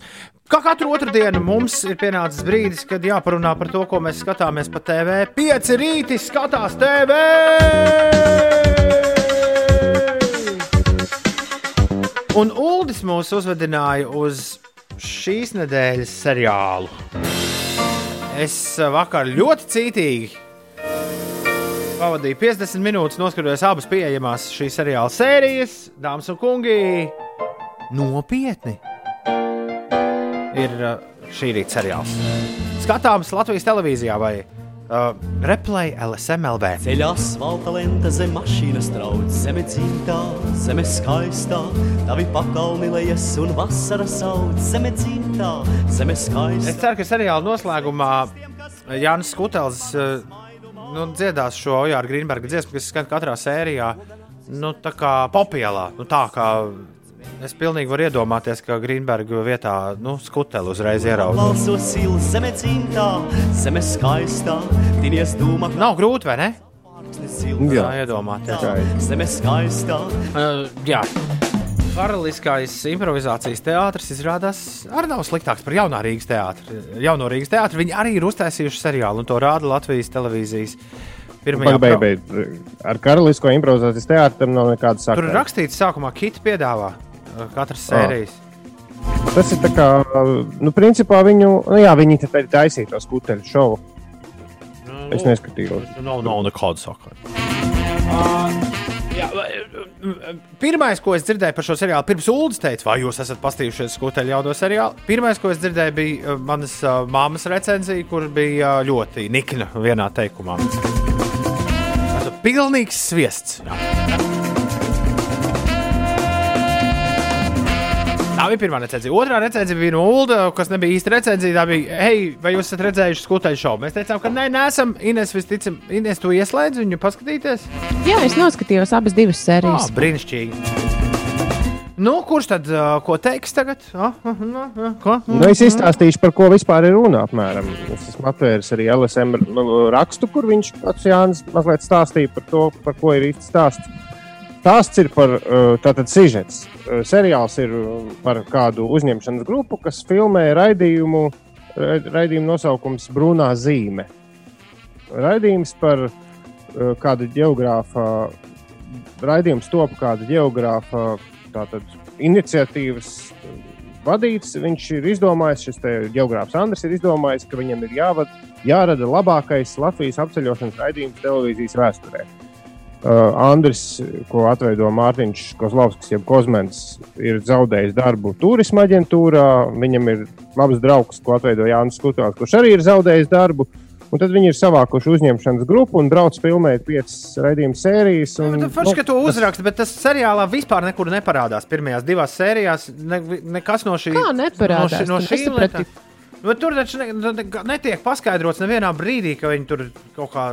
Viss tur tiek paskaidrots. Tur taču uh, Skutels visu laiku, vismaz jā, Skutels ik pa laikam teica, ka Andris ir zaudējis darbu. Bez tam arī uh, filmēšanas grupas režisors ir patiesībā Andra sievas brālis. Un vispār pie tās filmēšanas grupas un pie augstas klases režisora viņš ir ticis tikai savas uh, sievas dēļ, jo sieva viņam sarunāja to. Un, un sieva ik pa laikam piezvan tam režisoram. Un, nu, kā latvieši saka, nodod strūšku, lai viņš tur nerunā par daudz un lai dara visu to, ko Andris grib. Citādi Andris ēdīs uh, sievu nost. Jā, un tad stāstu tātad ļoti, paldies, Ines. Tad stāsts īsumā, un tur arī ir konflikts. Tātad ir Andris, kurš vēlas filmēt seriālu. Uh, seriāla tā, tas, ko viņš vēlas filmēt, galīgi izrādās nav interesanti. Un ir režisors, kurš savukārt ir ļoti augstas mākslas tāds, nu, tāds pārstāvis. Ļoti labs režisors. Jā. Pa vidu tam ir, pa vidu tam ir viens džeks, kurš, kuram no visiem sanāk vislabākie joki, kurš ir. Uh, Kurš visu laiku visādi izneses, bet viņš kaut kā nav pats sev uzrakstījis galveno lomu. Jo nu, īsti teikt, ka pašam skutelim ir galvenā loma, nu šajā man liekas, arī īsti nevar. Nu, kāds... Jā, Jānis Skutels ir režisors un, un, un lielākais muļķis visā seriālā. Man interesē jūsu rezumē. Nu, Nu, Zini kā? Pirmkārt, man liekas, interesanti, ko es gribētu paprasīt arī Jānis Skutelim, vai visas tās lietas, par kurām Andris stāsta par šīm ceļojošajām kāpām un nu, par tiem geogrāfiskiem objektiem, vai tā ir taisnība, par ko viņš runā tajā seriālā. Uh, otra lieta. Kaut kādā mērā man liekas, uh, man šī kompānija atgādina arī tādu tipisku nu, ne latviešu kompānija, bet vienmēr vienā nu, kaut kādā kompānijā, kur ir jādara nopietns darbs, ir viens pamuļķis, kurš, eh, kurš, kurš to visu uztver nenopietni. Un tas ir autobusu šoferis šajā gadījumā. kur gan biežāk nevar braukt, nekā var braukt. Jā. Bet uh, kopumā nu, tādi baigie smiekli man tā kā nenāca. Skatoties tās pirmās divas sērijas, bet var būt, ka nemaz nevajag tā smieties vēdera turēdamai. Nu, man liekas, ka tur bija uh, dažas, uh, dažas epizodes un daži uh, teksti, un arī, arī tās viņa uzfilmētās filmiņas, kas beigās to man šķiet, ka da, nu, dažās brīžos tomēr robežojas ar kaut ko ģeniālu. Un tad ir nu, pārējais laiks, ir vienkārši forša ņemšanās, jo tas seriāls jau tapis ir tajā brīdī, kad sapratu, ka nu, tie šovēri skuteli klātienē ar publiku nevarēs būt kādu laiku. Kaut kas jādara. Un man liekas, ka tas tieši tā ir jāuztver. Ka vienkārši, un, un Jānis arī pats ir skaidrojis, jā, ka, ka, nu, ka vienkārši seriāls ir par to, kā ikdienišķajā atrast interesantu. Un lielāko daļu laika viņi vienkārši tur tā forši ņemas, un tad ir ik pa brīdim ir kāda nu, rīktīga pērle. Es domāju, es domāju, ka viennozīmīgi viedokļi par šo nebūs. Varētu būt, ka būs. Nu, jā, Viss diezgan tādā 50-50. Nu, piemēram, Aivas raksta, kur šis seriāls reāli labs, tāds čilu un mūsdienu realitāti. Visu cieņu Jānim Skutelim. Un savukārt, uh, Iveta no ērgļiem raksta, ka skuteļu šovs bija reāli foršs, bet atvainojiet, šis seriāls pat tuvu nestāv skutelim. Nepiestāv skutelim. Reāls sviests un nesmieklīgs. Ļoti atvainojos.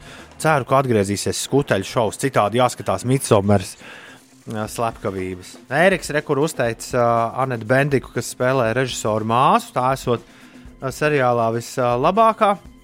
Un Ingūns raksta, lēta. man, liekas, ka, Nu man liekas, ka starptautiskajos ūdeņos. Uh, ne, es saprotu domu, un es saprotu to rotaļu, un daži joki ir, uh, ir vareni, bet. Uh, bet Nu, skute, skuteļa tēls kā tāds ir nodeva tiem cilvēkiem, kuriem vajag vienkārši tādus stulbus jokus. Bet starptautiskajā pasaulē šis seriāls pēc uh, pilota sezonas, pilota epizodes nekad nepiedzīvot pilnu sezonu. Šāda sajūta gan man nepameta gan pirmo sēriju, gan uh, skatoties, gan arī atgriezās ā, skatoties sēriju numur divi. Skatieties uz savu atbildību. Es saku, Ulu saka, ir ok. Un Ines laikam ar Jānis Kutelu parunās vēl par šo. Ne, es, es brīžiem uztvēru to pārāk nopietni, varbūt. Nu, ne tik ļoti humoristiski, bet, piemēram, ik pa laikam man tas Andris palika žēl. Jo viņš tik ļoti grib nu, to savu raidījumu, un, un tas režisors izturās tā diezgan nejauki. Nu, tur var eh, arī kaut ko dziļāku tajā seriālā saskatīt, ne tikai joks, man liekas. Nē, es saku, tas, ka ir, ir, tā, ir tā vienkāršā virskārta, ir vienkārši tas skuteļu tēls, kurš plēš tādas nu, lētas jociņas, bet, bet, ja tajā visā paskatās mazliet dziļāk, Tūlīt pulkstenis būs astoņi. Nu, burtiski tūlīt. Tā, Franko, Franko mums pieslēgsies uz mazu mirkli. Franko, Franko ir jauns gabals. Uh, jā, pēkšņi aizmirsu, kā to sauc. Bet uh, vētra, jā, vētra. Tāpat kā grupas solists uzvārds. Vētra. Uh, Franko, Franko mums pieslēgsies. Kādā sastāvā to es nezinu, bet iespējams, ka visi četri būs klāt. Elizabete, Kristīna, Reinis un Mārtiņš. Mēs ar viņiem uh, fiks papļāpāsim. Tāpat mums kaut kas bija jāprunā par rīta dziesmu topu. Interesantās ziņas. Es esmu dzirdējis, Ulu, ka laba labās aizdītās dienas laikā ir sakrājušās. Nevar sagaidīt, ka tās uzzināsim. Un Ines jau var gan jau kā nesēdēs tā kā gurķi aprijusi. Nu, Jā, pavisam noteikti. Klusēdam. Uh, labrīt!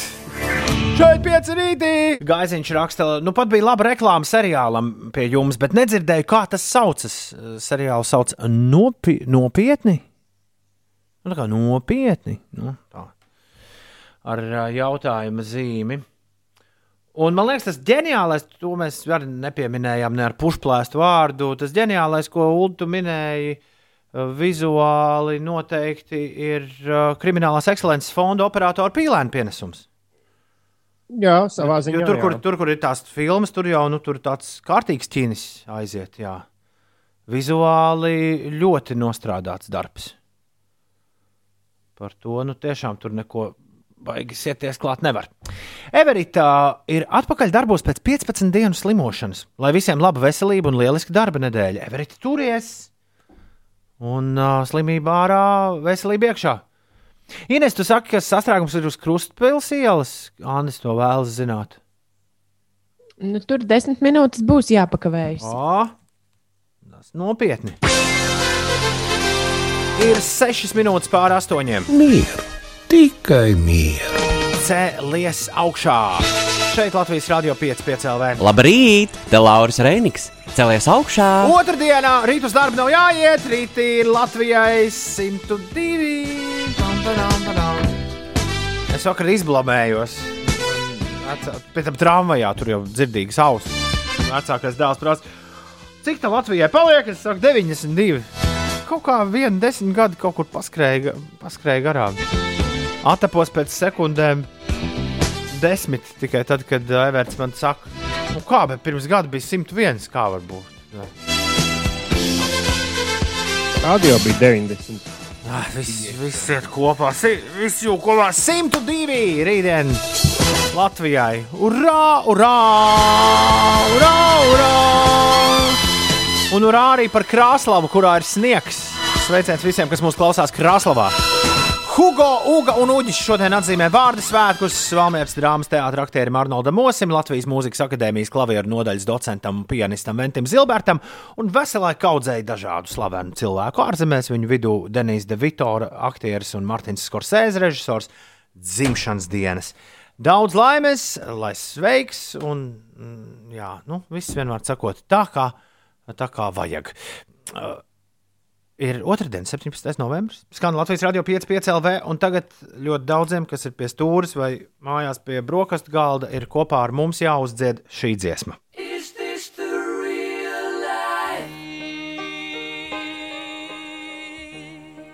Uldim par godu es neko neteikšu.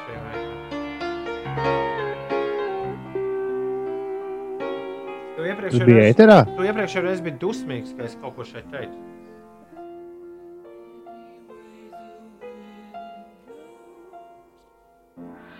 Nu, re.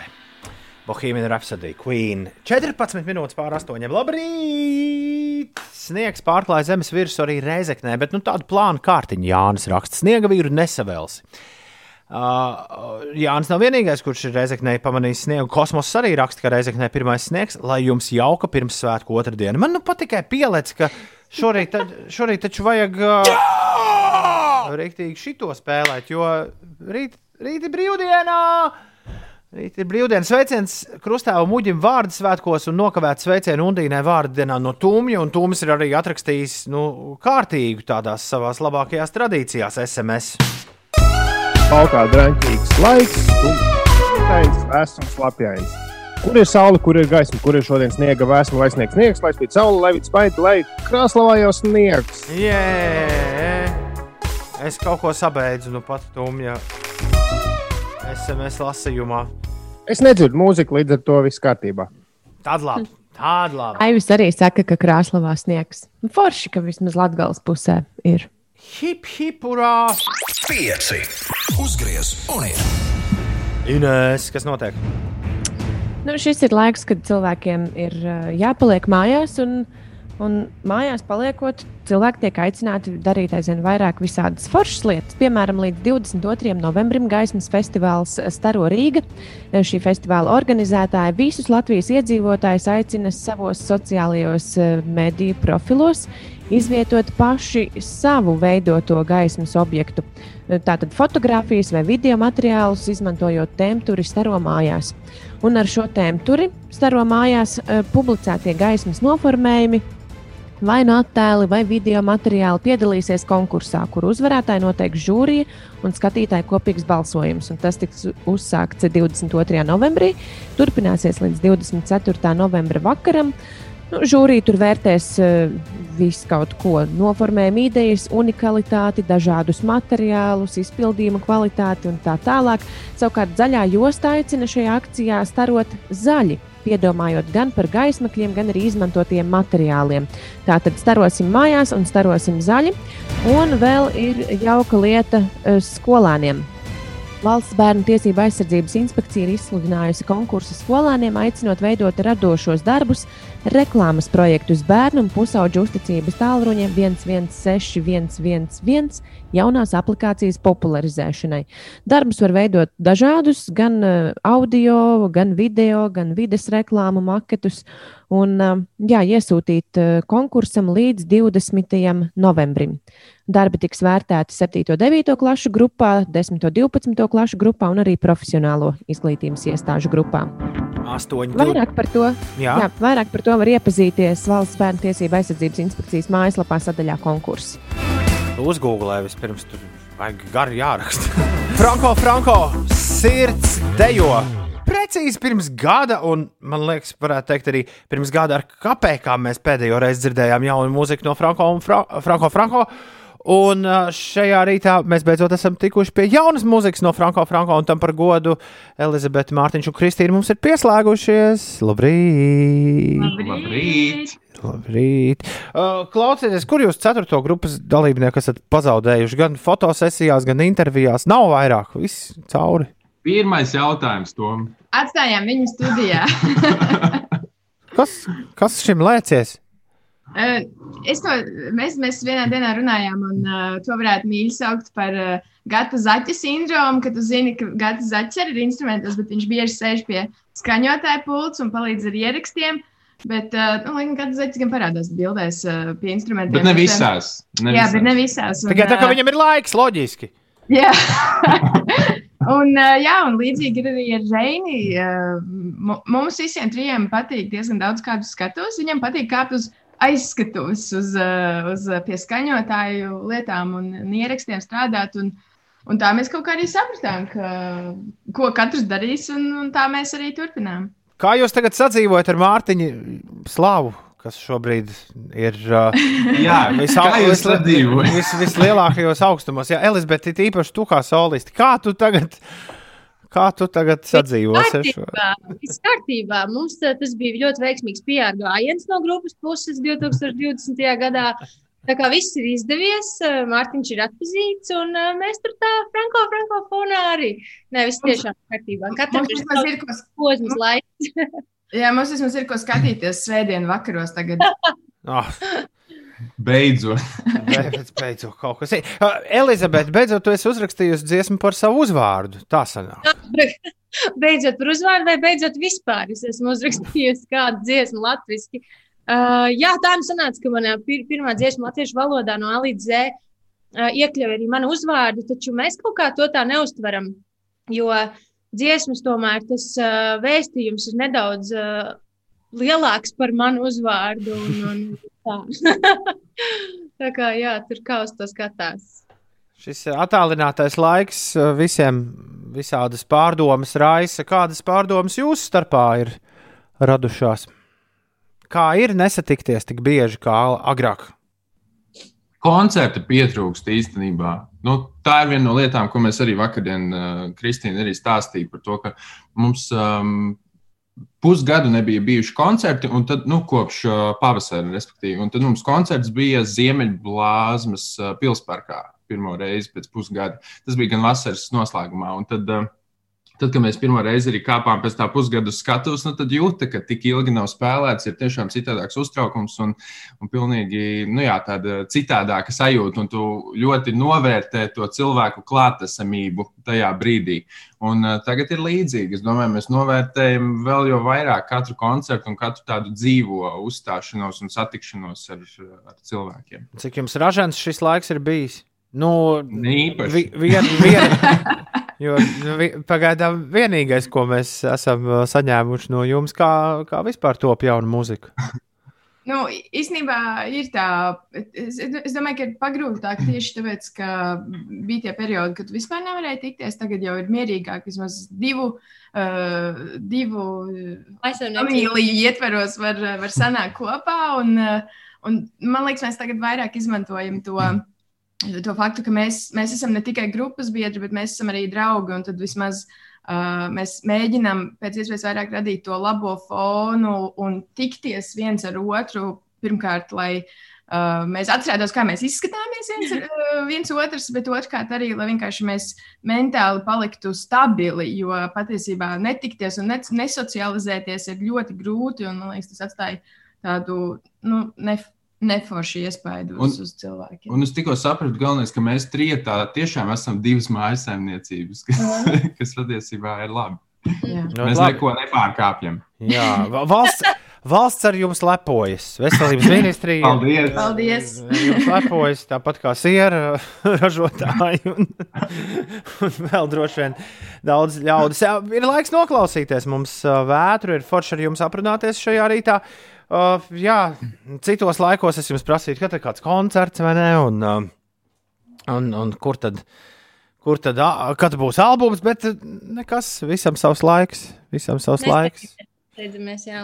Tā, jā. Es ļoti ceru, nu, ceru, šoreiz ir uzsvars. Es ļoti ceru, ka mums izdosies kaut kā nebūt dzīvajā satikties labdarības maratonā, dot 5 pēc mēneša. Jā, Jā, arī. Jā. Bet- Starp citu, šogad ir lieliska tēma. Paldies! Nu, man liekas, es tā katru gadu saku, bet šogad man, manī, man, man, vēl, man liekas ļoti, ļoti labi. Jā, es, es, es ceru, ka mums būs iespēja pēc mēneša satikties stikla studijā un par to papļāpāt nedaudz vairāk. Bet tagad, lai skan vētra, Franko, Franko! Elizabete, Kristīna un Mārtiņš šajā rītā mums pieslēgušies. Paldies jums! Un, uh, jā, laižam vētru debesīs! Atā! Paldies! Atā! Atā! Čau!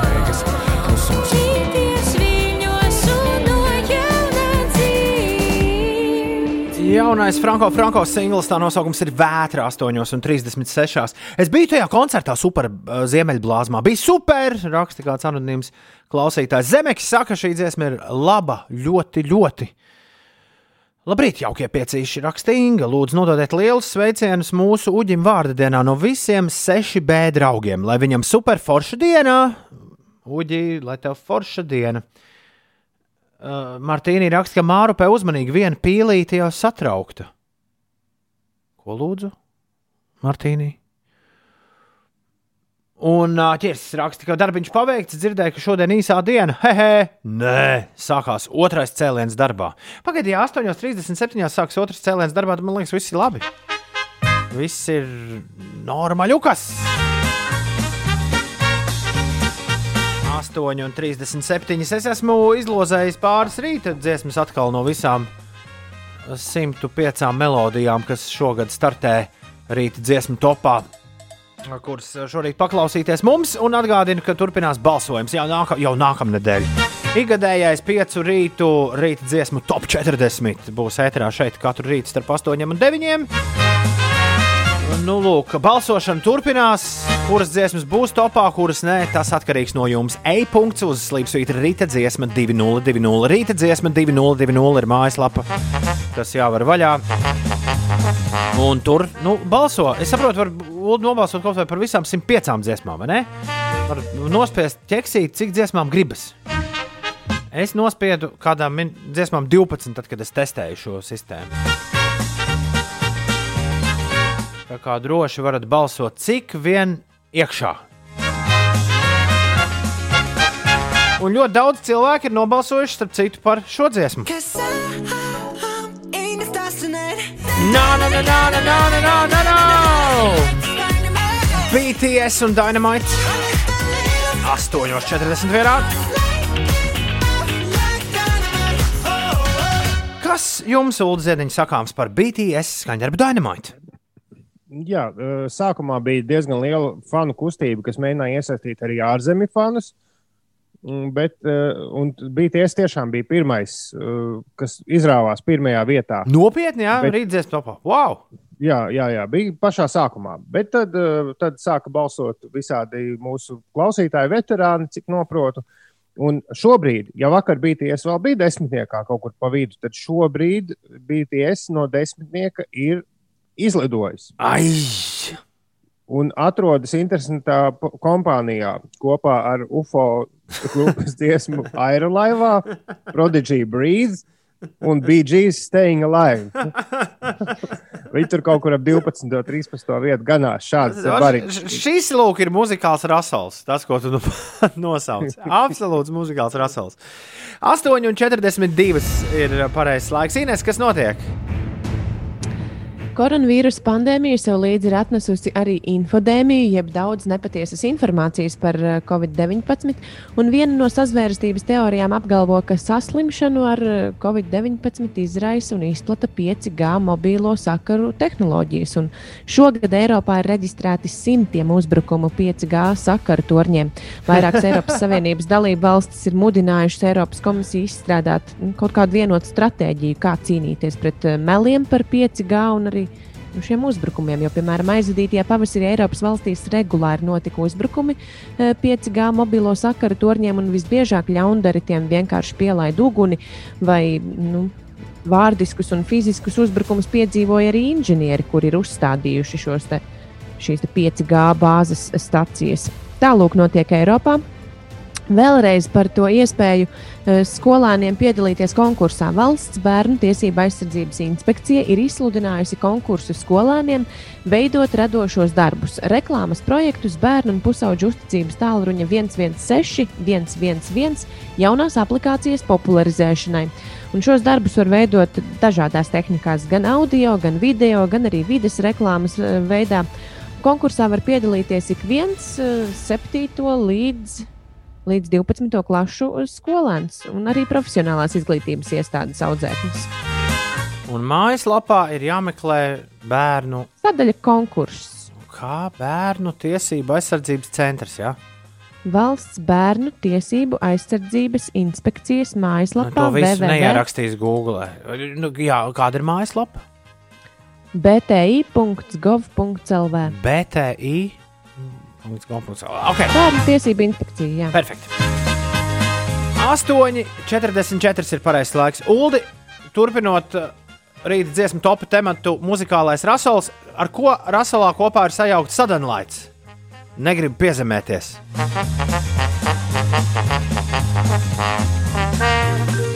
Ulds mums arī nes, nedod pieeju top rezultātiem. Tieši saistē, Ulds ir monopolists šai ziņā. Viņam ir visi jūsu balsošanas dati, kas tiek fiksēti. Tad, kad jūs aizdodaties uz e-punktu uz Slimsvītra rīta dziesmu 2020 un balsojat par rīta dziesmu topu. Bet sadanlaici grūti atrast, es jūtu šajā tabulā. Nu, jā, man nav tāda īsta saraksta, kamēr nav balsošana noslēgusies. Tāpēc man ir jāiet. Un viņš man rāda katru otro, nezinu kāpēc. Nu, tur man jāuzbrauc uz katru stabiņu, lai redzētu. Ah, nu, skaidrs, skaidrs. Labi, tad atvaino par jautājumu, bet uh, par sadanlaici kāds droši var nobalsot rīta dziesmu topā. Varbūt šī patiešām ir visu laiku labākā rīta dziesma, sadanlaicis, un negribu piezemēties. Tas būtu atsvaidzinoši, ja Pearl Jam tiktu 40. Jā, starp 105 rīta dziesmām, kas reģistrētas šī gada, lab, šī gada jā, visu laiku labāko rīta dziesmu topam, arī Pearl Jam un Edijs Veders. Do the evolution! E-punkts uz Slipsvītra rīta dziesma 2020. E-punkts uz Slipsvītra rīta dziesma 2020. Tur ir tev jānobalso obligāti par rīta dziesmām, jo tops tuvojas. Labrīt, Inês Ulu, un it sevišķi Toms raksta Velo Arčiks. Man pirms divām nedēļām ietrīsējās sirds, kad Toms dziedāja rīta dziesmu, ka man mājās tapetes ir zaļas. Jo Toms nejauši uzminēja, ka man mājās dzīvojamā istabā ir zaļas sienas. Tā raksta Velo Arčiks. Paskat, Velo Arčiks. Arī Velo Arčiks nejauši ietekmējās no tava dziedājuma un speciāli nokrāsoja savus To mēs nezinām, to mēs nezinām. Tā kā neapzināti. Gunāra Astras ielā pie Go Planet uz mēbeļu nama puses smagais ir nonesis stabiņus pie gājēju pārējas un bloķē pusotru joslu. Būs lēnāk! To savukārt liek aiz auss visi šoferi. Bet visi pārējie pagriež radio skaļāk, jo tagad būs interesantās ziņas! Jej!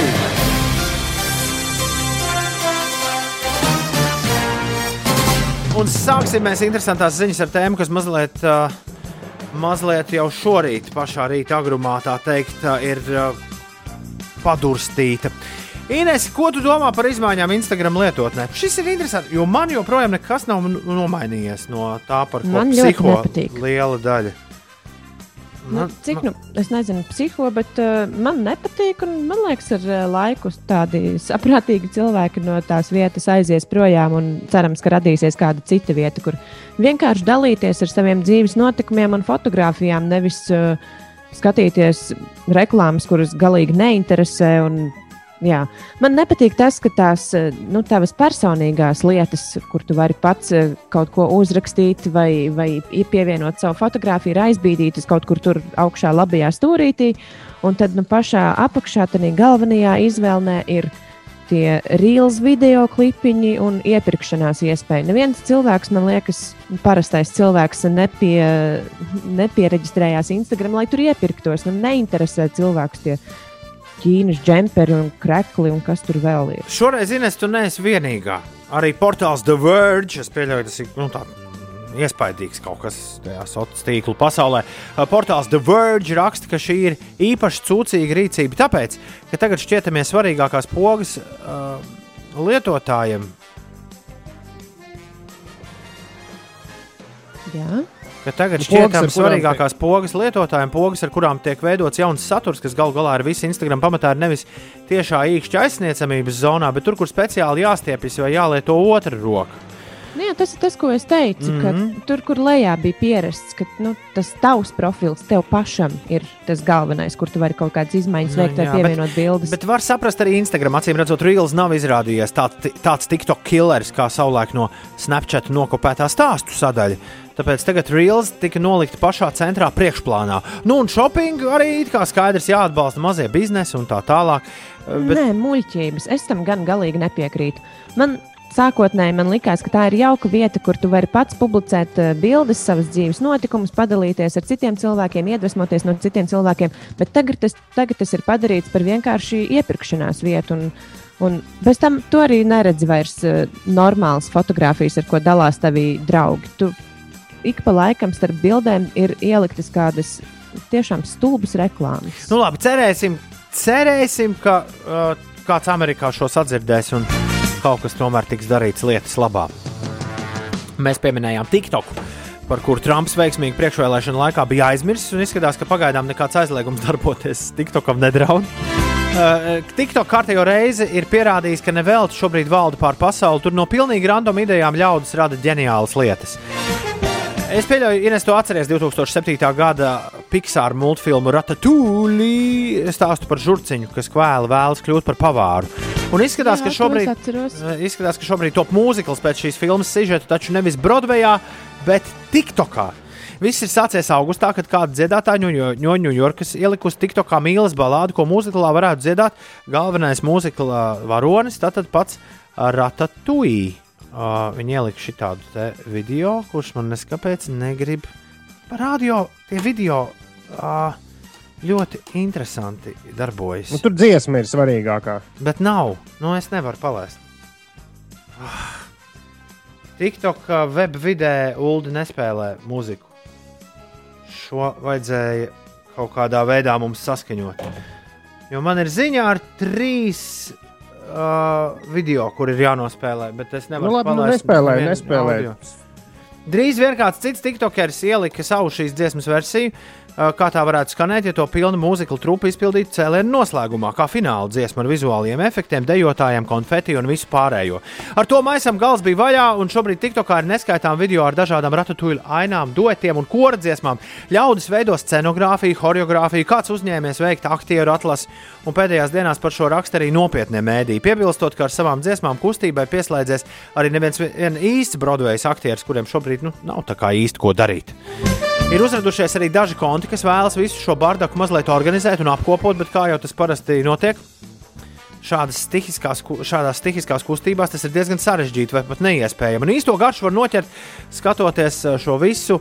Tieši tik lielā haosā, kāds ir viss TikToks. Un, ja tu vēlaties uzzināt vairāk, raksta TikTok sērčā tēmu, tur ir Ratatouille the musical, bet to Ratatouille ir jāraksta rīktīgi sarežģīti. Ratatouille. Interesanti, vai kādam izdosies šo uzlikt arī uz Broadway skatuves, un nākamgad tiešām taps pirmais pūļa radītais mūzikls. Tas ir tiešām labs jautājums, ar kuru mēs arī lēnām šo šīs dienas raidījumu varam noslēgt. Un mieru, tikai mieru. Rīt uz darbu nav jāiet lielākajai daļai. Es uh, sakārtošu visu, lai es no telefona varu nospēlēt TikTok video ēterā. Un tad mēs uh, varam atgriezties, jo es ļoti labprāt dzirdētu, kā izklausās ratatūļu mūziklu fragmenti. Mēs ar šo varētu sākt ceturtdienas raidījumu. Ko jūs sakāt par Ok, šādu domu? Pierakstīju. Varbūt arī, jā. Jā, man liekas, ka tā ir, tā ir laba doma. Tā teikt, efekts pārvēršas par defektu. Nē, es atvainojos, defekts un efekts. Uh, labs ir. Uh, nu, tad, Ulu, lai savs braucamais laiks. Un tev Ines arī, Paldies. tev arī, lai nav pa slapdrāņķi jāņemas rītdien kaut kur apkārt. Paldies! Arī tev, lai jauka rītdiena. Un Jā. visiem pārējiem arī. Es, es jums atrādīšu sociālos tīklos savu rītdienu. Esmu plānojis to darīt diezgan padaudz. Tiekamies! Un ceturtdien dod pieci himniet vaļā. Ja? Neaizmirstam. Visu labu! Atā! Joprojām Tā. notiek diskusijas par satversmes tiesas spriedumu attiecībā uz vienzimuma pāru aizsardzību.